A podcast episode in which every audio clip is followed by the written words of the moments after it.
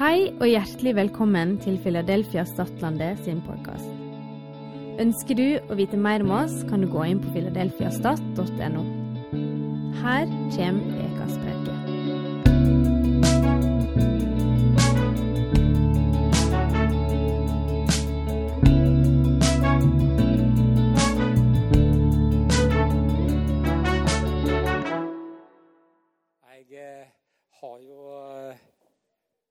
Reist herifra, skal jeg si. Nei da, jeg behøver ikke det.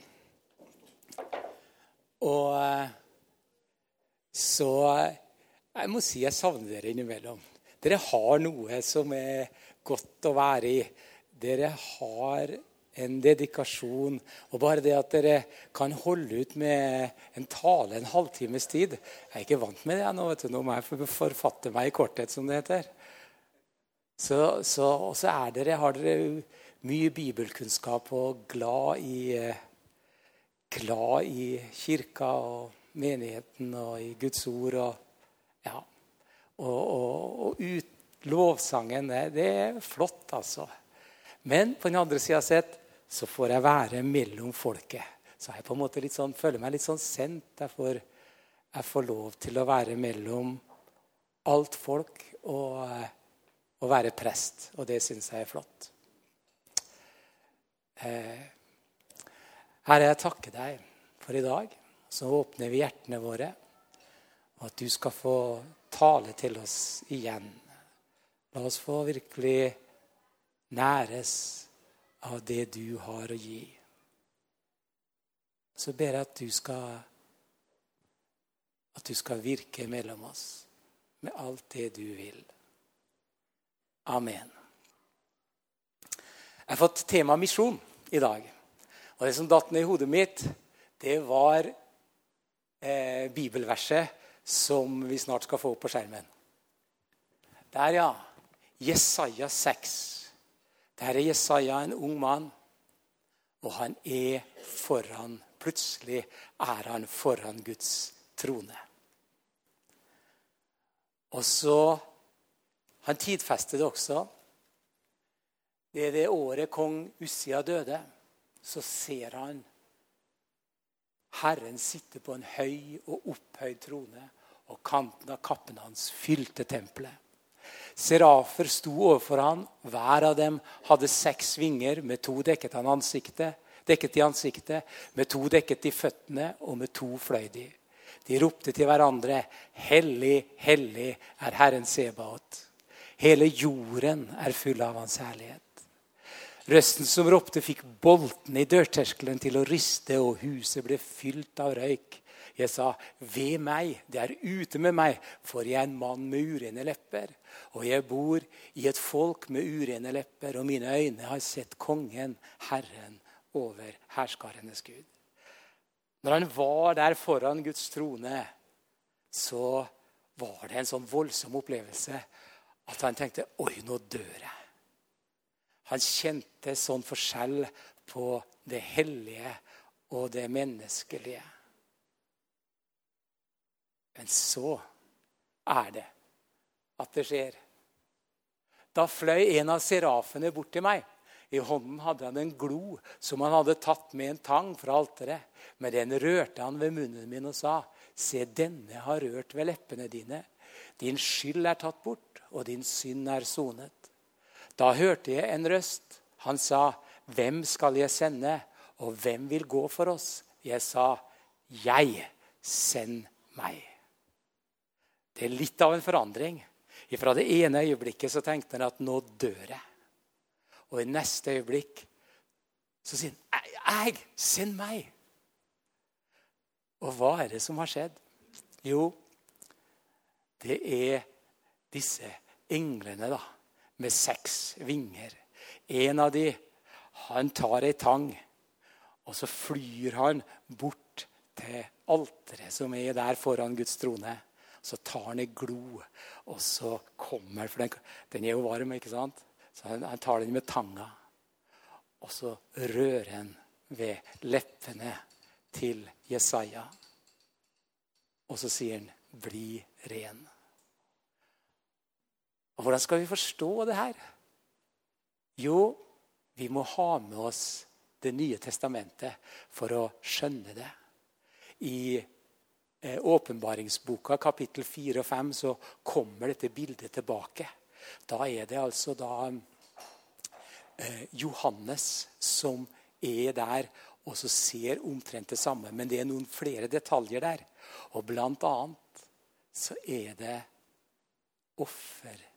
Lammet som ser ut som det er slakta. Jesus selv som er der. Og vet, I tempelet i Jerusalem så ofra de lyteløse lam. Og Så står det da om Jesus i Hebrevbrevet at han var en gang for alle. Så kom han med et fullkomment offer. Seg selv. Så Jesus er altså den som ble ofra, som innenfor Gud. Og du vet, alt han rører ved, blir hellig og rent. Så når han da ble ofra der på alteret, så ble gloene der også hellige og rene. Så når serafen kommer og rører ved Jesaja sine lepper, så sier han 'bli ren'.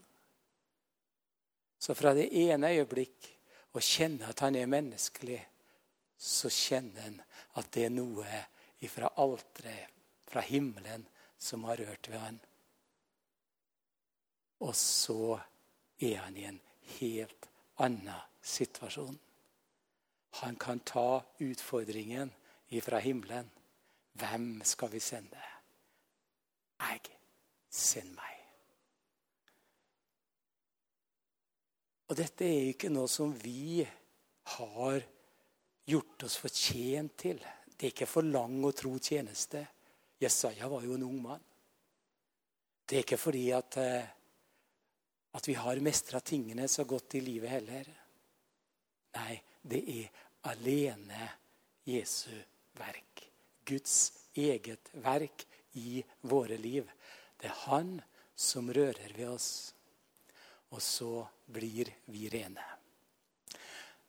Og med den opplevelsen så er det kanskje ikke så rart at Jesaja er den som tydeligst skildrer Jesus på korset. Kapittel 53 i Jesaja-boka så kommer det der veldig detaljert Jesus på korset. Han ble såret for våre overtredelser, knust for våre misgjerninger. Straffen lå på ham for at vi skulle ha fred, og ved hans sår har vi fått legedom. Det var jo opplevelsen han sjøl hadde, som han etter hvert fikk pakke ut og forstå bedre hva det var. Sant? Og vi ser det er ikke noe av hans egne gjerninger, det er ikke noe av hans eget verk. Det er Guds gjerning i livet. Og ser vi andre plasser i samme boka, så vil vi finne det på nytt igjen. F.eks. i kapittel 35, vers 8 der, så står det om at det skal Eller i versene før så står det om en ny og levende vei. En hellig vei til vår Gud som skal være der. Så ser vi på hva skal det være med denne veien. Jo, det er flere ting. For det første så skal ingen uren gå på den. Og Det var det Jesaja opplevde når denne gloen rørte ved han, Så blir han jo ren. ikke sant? Ingen uren skal gå på den. Og selv ikke dåren skal fare vill. Eller med andre ord ikke engang idioten skal miste dette her.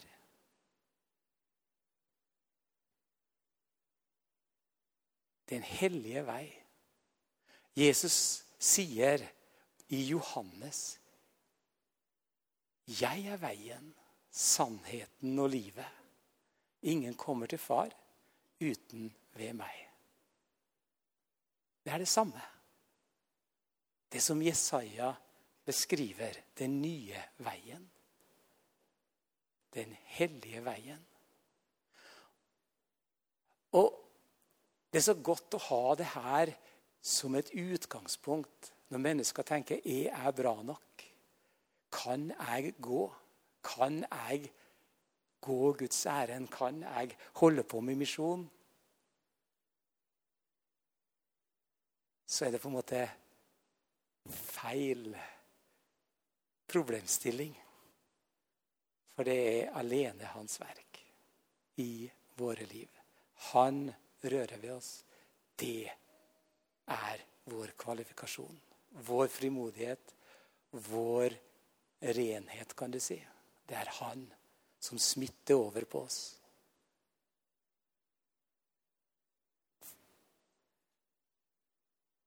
Og så er det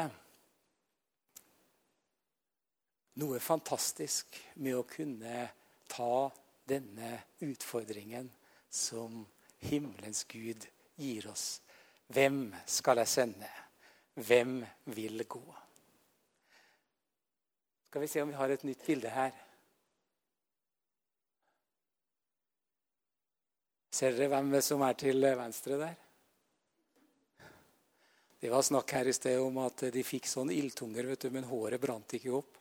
Jeg er litt i tvil med han der.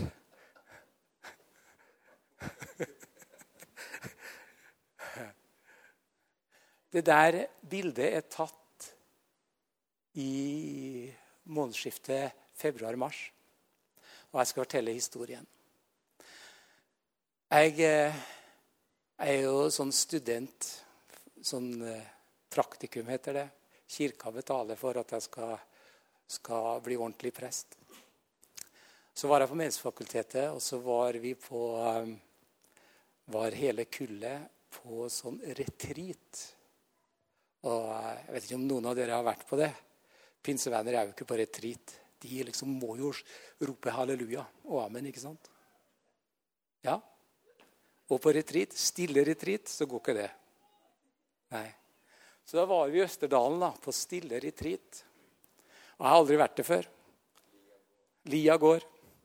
Så det var en ny opplevelse, men jeg tenkte der skal jeg klare. Et et halvannet døgn uten Internett og telefon og sånn. Jeg bare sa fra til kona nå stenger jeg av telefonen. Jeg ringer deg Jeg ringer hjem hver dag. Når jeg er ute på tur, så ringer jeg hver dag hjem til kona. Det må jeg jo.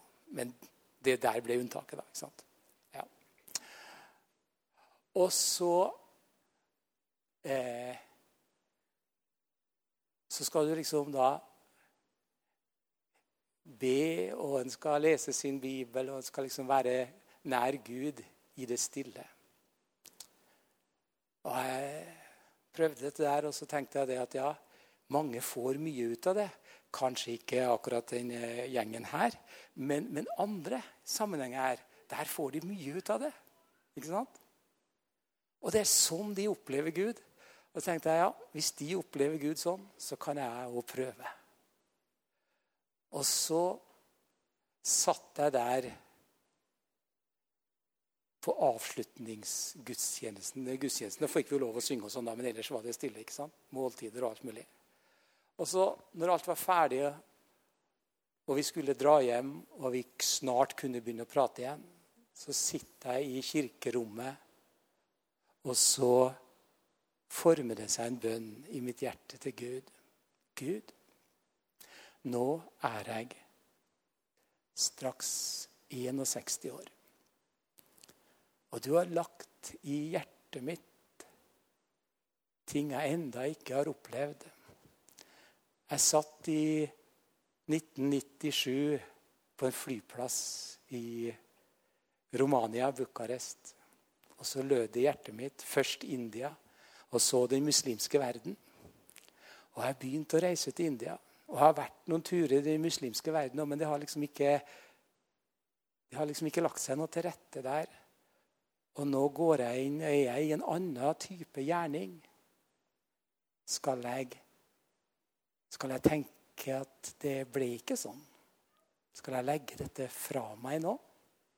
Og så skal, vil du jeg skal være på en måte tro i det stille og i det nære. Er det dette som er tida eh, jeg har foran meg nå til jeg, mens jeg er, er i mine full kraft? Jeg var en stille bønn. Jeg har jo vært stille så lenge, så jeg kunne jo be en stille bønn. Det var ingen halleluja, det var ingen amen. Det var stille. Ok. Det var det siste jeg gjorde på Lia gård. Og så pakka vi, og så dro vi ned til Oslo for å ha vanlig studie. Og På veien ned så snakka jeg med min venn i Oslo, som sier du er nødt til å komme på husmøte i kveld, for Sipe Thomas er her. Eh, og eh, i Oslo sentrum. Kom i dag. Eller var det i går? Ja. Han er i hvert fall kommet nå. Jeg tenkte Sibbe Thomas er det klart jeg skal være med på husmøtet. Jeg er jo i Oslo. Jeg har ikke sett han på mange, mange år. Sånn. Jeg hadde jo akkurat tenkt på han samme dag. Først India, og så den muslimske verden. Og så drar jeg på husmøte. Sipe Thomas, denne mannen der, han er blitt en voksen mann nå. Han er vel 75 eller et eller annet sånt der. Men fortsatt så preker han med styrke. Og det husmøtet der, det foregår jo på engelsk. Det er jo masse folk der. Åtte ulike nasjonaliteter representert. Fra Øst-Europa, fra Asia, fra Afrika, fra eh, Finland og, og, sånn. Åtte stykker, åtte nasjonaliteter telte vi. Og du vet, Det var en sånn overgang ifra hva jeg hadde vært på på Lia gård. For når vi skulle be nå, så var det et kok, vet du. Det var Så kommer det ei dame bort til meg. Jeg har aldri sett henne før. ikke sant? Og så kommer hun og sier You are not going to grow weary. You are not going to grow weary. Og så sa hun det tre ganger. Og det er altså utenlandsk og betyr du skal ikke gå trett. Og det bare gikk inn i meg. Og jeg tenkte jeg har Det var jo det jeg ba om i dag. Skal jeg, jeg nå, nå har jeg blitt såpass gammel. Skal jeg nå begynne å roe ned? Jeg sa det jo ikke til noen. Annet enn til Gud. Stille bønn. Og ingen som kunne ha fått med seg dette. Og samme kveld hvor jeg tenker på denne episoden, først i India så den muslimske verden, så treffer jeg Sife Thomas. Og så får jeg disse ordene. Wow! Og jeg får det på min måte. Med fynn og klem, som jeg liker det. Med litt armer og bein og et par halleluja. På engelsk. Det er bra. Og jeg går ut der, feller noen tårer. og Jeg sier, 'Gud, du kjenner meg. Du vet hva som når inn til meg. Jeg har fått svar på min bønn. Jeg skal ikke slippe det ordet du ga meg. Jeg skal bære det. Og Det var noe som fyltes med tro i mitt hjerte. Det ligger der som et såkorn. Og det er nydelig når ordet kan ligge der som et såkorn, og du veit der framme vil det modnes. Jeg har ligget der en god del år, og jeg trodde kanskje at jeg skulle liksom skulle ikke ta så lang tid. Men nå vet jeg igjen. Gud har lagt det ned der. Og det er et ord jeg skal ta vare på. Han kjenner meg. Og han tenker livsperspektiv. Jeg syns det var så nydelig. Det var Det fyrte noe opp i hjertet mitt igjen.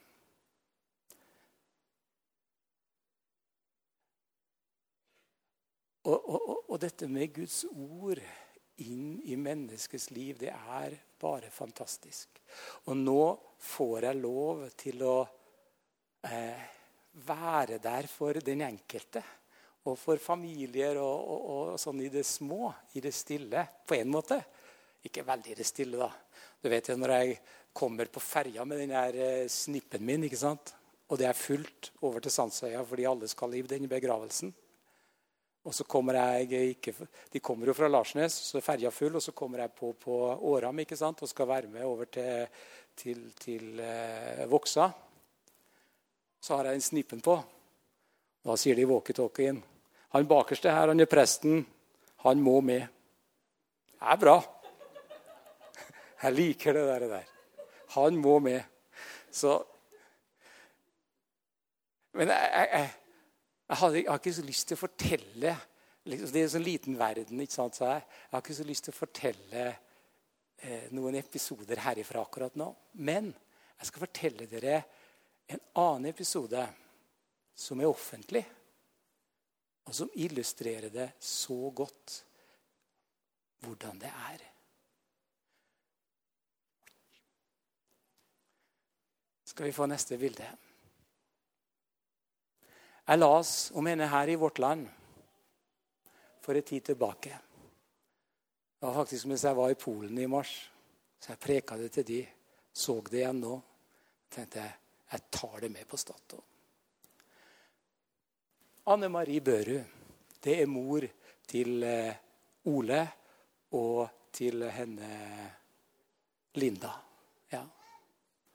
Og hun er gift med Arnold. Ja. Og så fortalte hun det at i sin ungdom så hadde hun en spontan en, hadde hun abort. Og de begrav, begrov barnet. Og der hvor hun bodde, kunne hun se ut på kirkegården. Og så etter kort tid så ble hun gravid igjen med Linda.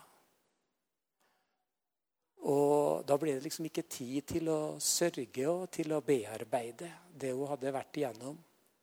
Og når Linda ble født, så var hun sjukelig av seg. Og Anne Marie hun gikk ned i et mørke som var, som var, Det var svart, og hun bestemte seg for å avslutte livet sitt.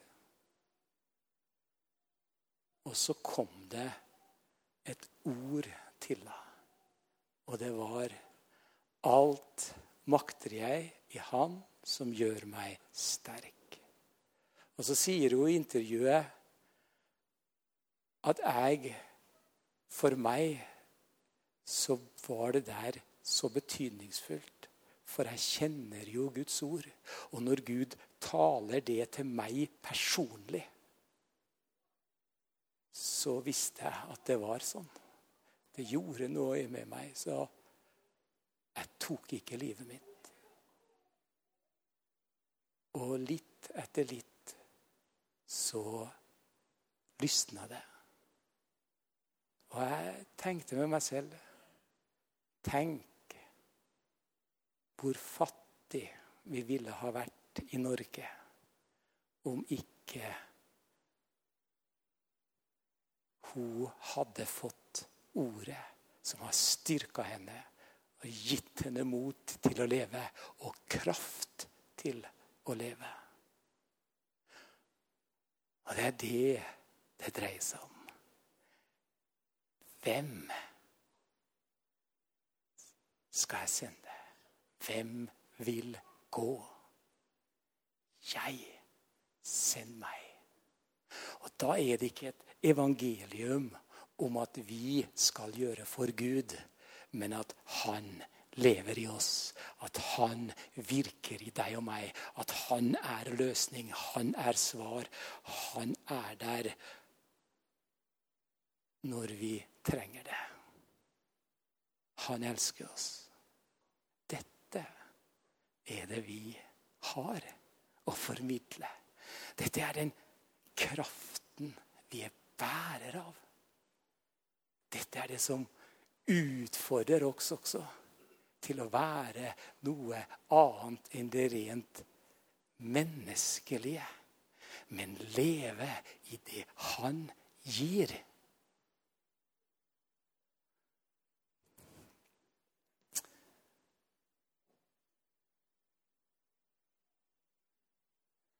Vi tar neste bilde. Her er vi i Polen. Anita tok mange fine bilder i år. Vi var der nede i lag. Hun hadde sletta de, sa hun til meg. Så jeg måtte finne et fra fjoråret, som jeg sjøl tok. Så det er et år gammelt. Der er menighetsbygget som dere var med å kjøpe til de der nede. Jørgine og Vidar var nede der i november, tror jeg, 2019. Med 50 eh, 60 000 kroner. Og sa vær så god, her er et nytt kirkebygg. Ja, jeg var med òg, da. Jeg må jo være med, òg, ikke sant? Dere skjønner jo det. Ja. Men poenget er at vi, vi skal stå sammen om ting. Det er så mye mer effektivt da. Når den ene får noe, og den andre får en ny annen bit, og så kan vi legge det sammen, og så blir det så, blir det så mye mer kraft og schwung over det. Så fikk de frimodighet til å kjøpe dette bygget. Og de, for de skjønte det var Gud. Ja. Det ble for dem en sånn opplevelse som jeg hadde. ikke sant? Med Sipe Thomas og denne dama som kom og sa You are not going to grow weary.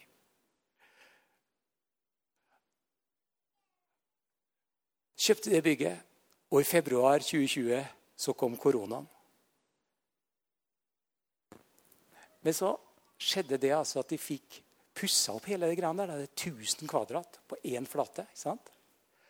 Og eh, de brukte koronaen til det.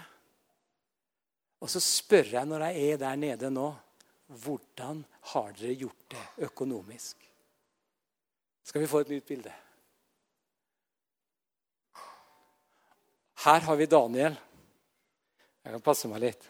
Her har vi Daniel, og her har vi Terenia. Terenia er den i menigheten som har vært opptatt mest av å ta vare på de fattige.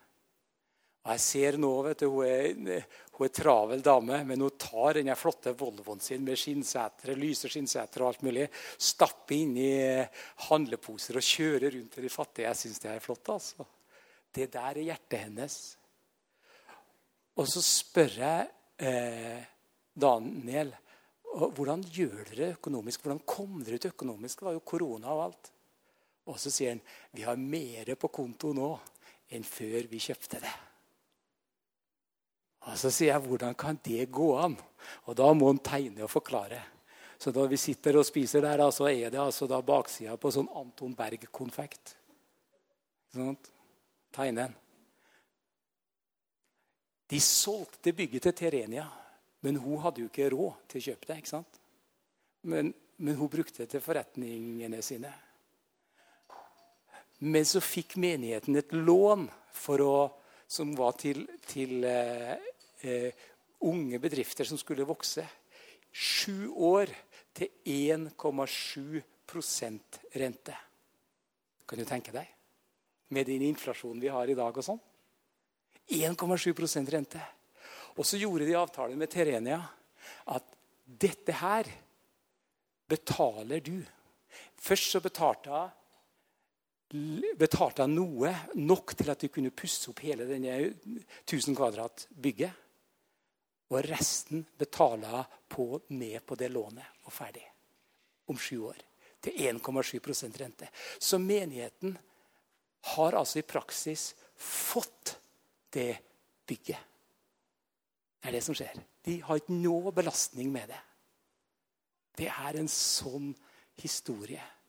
Og han sier det vi er opptatt av, det er jo å hjelpe de fattige og de trengende. Og så får vi det på den måten her. Sånn sier Daniel det. Så utfordrer Daniel meg og si hva, hva Skal vi ta opp offer til noe i Polen? Har du et prosjekt? Og jeg ringer Daniel, og så gir jeg utfordringen til han. Og så, så har han jo han selvfølgelig masse prosjekt. Men så sier han ja, nå i mai så har jeg noen, et, et pastorpar i Ukraina.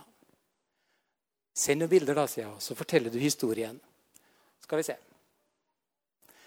Der er Tatjana og Sergej fra Zaporizjzja. Zaporizjzja er jo der hvor de har denne, det atomkraftverket. vet du. Hvor også den elva imellom, Dipro eller hva den heter. Og eh, på, den, e, på, på, den, ene sida så er det russerne og kraftverket. Og på den andre sida så er det ukrainerne som eh, holder. Ja. Så skillet går liksom i lang elv der, ned fra Kiev og så hele veien ned til, eh, til havet. Um, og så, når krigen kom, da, så ble jo han i, igjen i Ukraina for å være med og bære der. De fikk jo ikke lov å reise ut, men damene reiste ut. Og Tatjana tok med seg barna sine, og så kom de da i menigheten til Daniel. Hun har vært der ett år.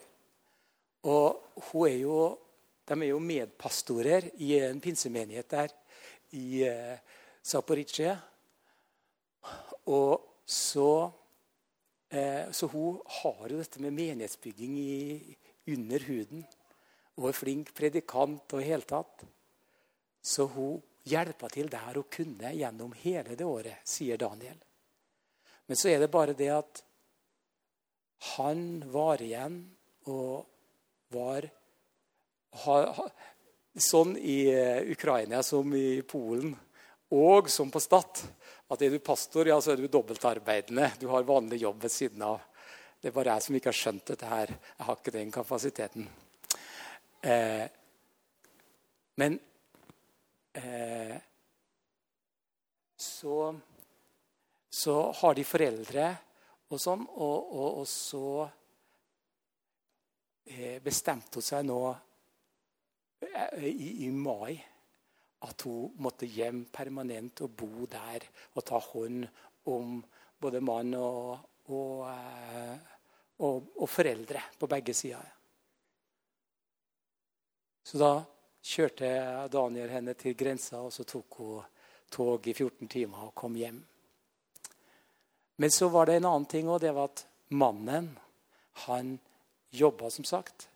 Men i et sånt han var vakt på kjøpesenter og forskjellig. Og det firmaet han var ansatt i, der eh, de unge eh, gutta som var der, de forsvant jo ut i krigen. ikke sant? Og han, eh, lederen sa du må jobbe på søndager.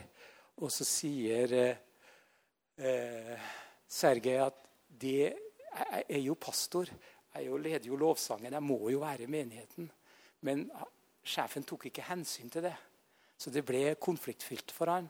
Og han bestemte seg for at jeg kan ikke, så han sa opp jobben for å finne seg noe annet da, som han kunne kombinere med det å, å være pastor.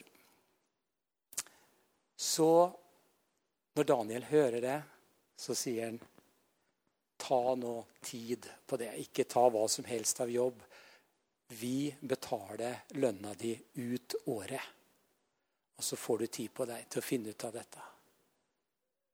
Så når jeg spør da om, om, det er, om det er noe vi kan liksom være med å bidra i, så smiler han bare til meg. Han har mange huller å putte i. Men vi fant ut sammen at dette her var kanskje en, eh, en fin sak. Og som kan være godt for oss å være med og delta i. Og jeg tenker Sender vi de ned til de i Polen, så på en måte får vi være med, og så får de være med. Og ja, hvem vet om ikke dere blir nødt til å reise til eh, ikke bare til Polen, men til eh, Ukraina og til Zaporizjzja. Hvem vet? Vi skal få et bilde til.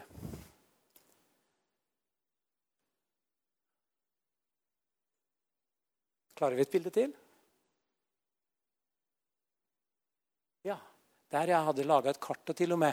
Der ser du Kyiv der oppe. Og så går liksom den elva nedover. da, ikke sant?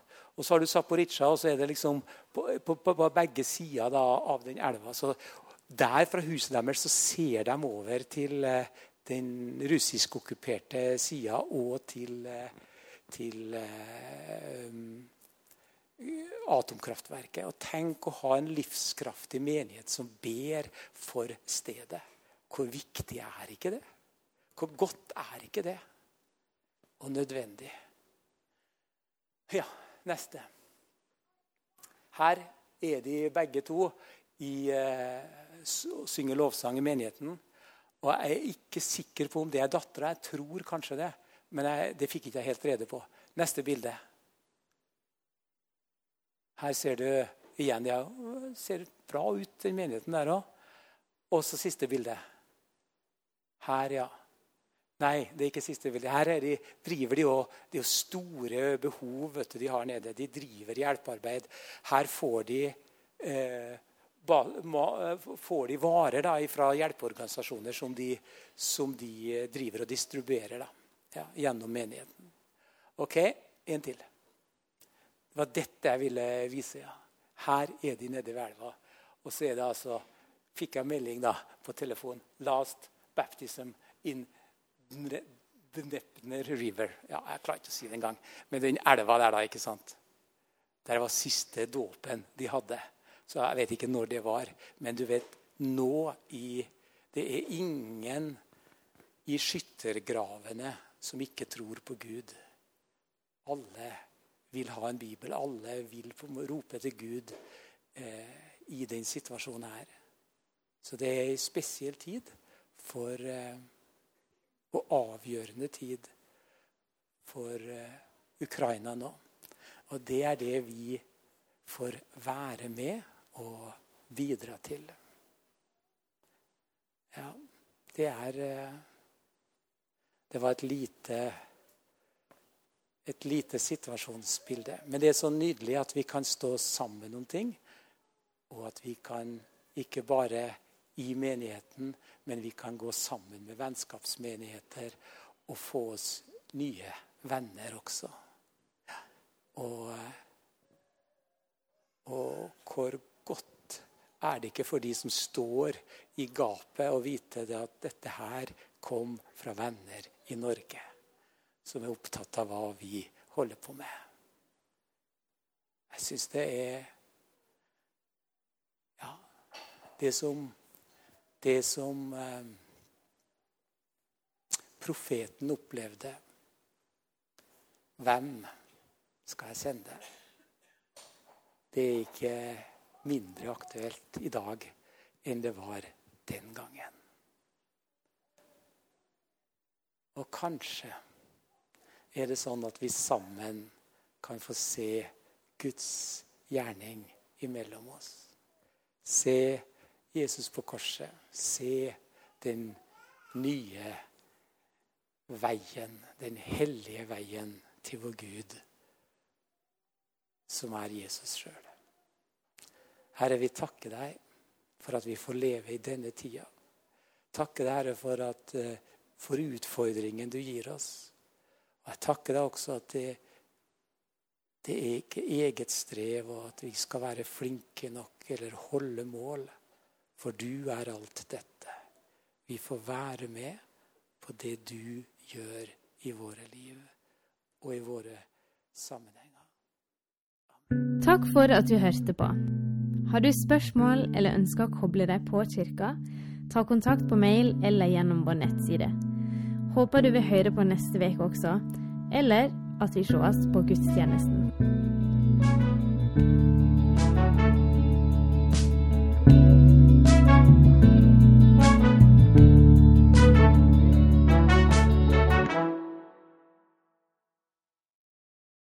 Takk for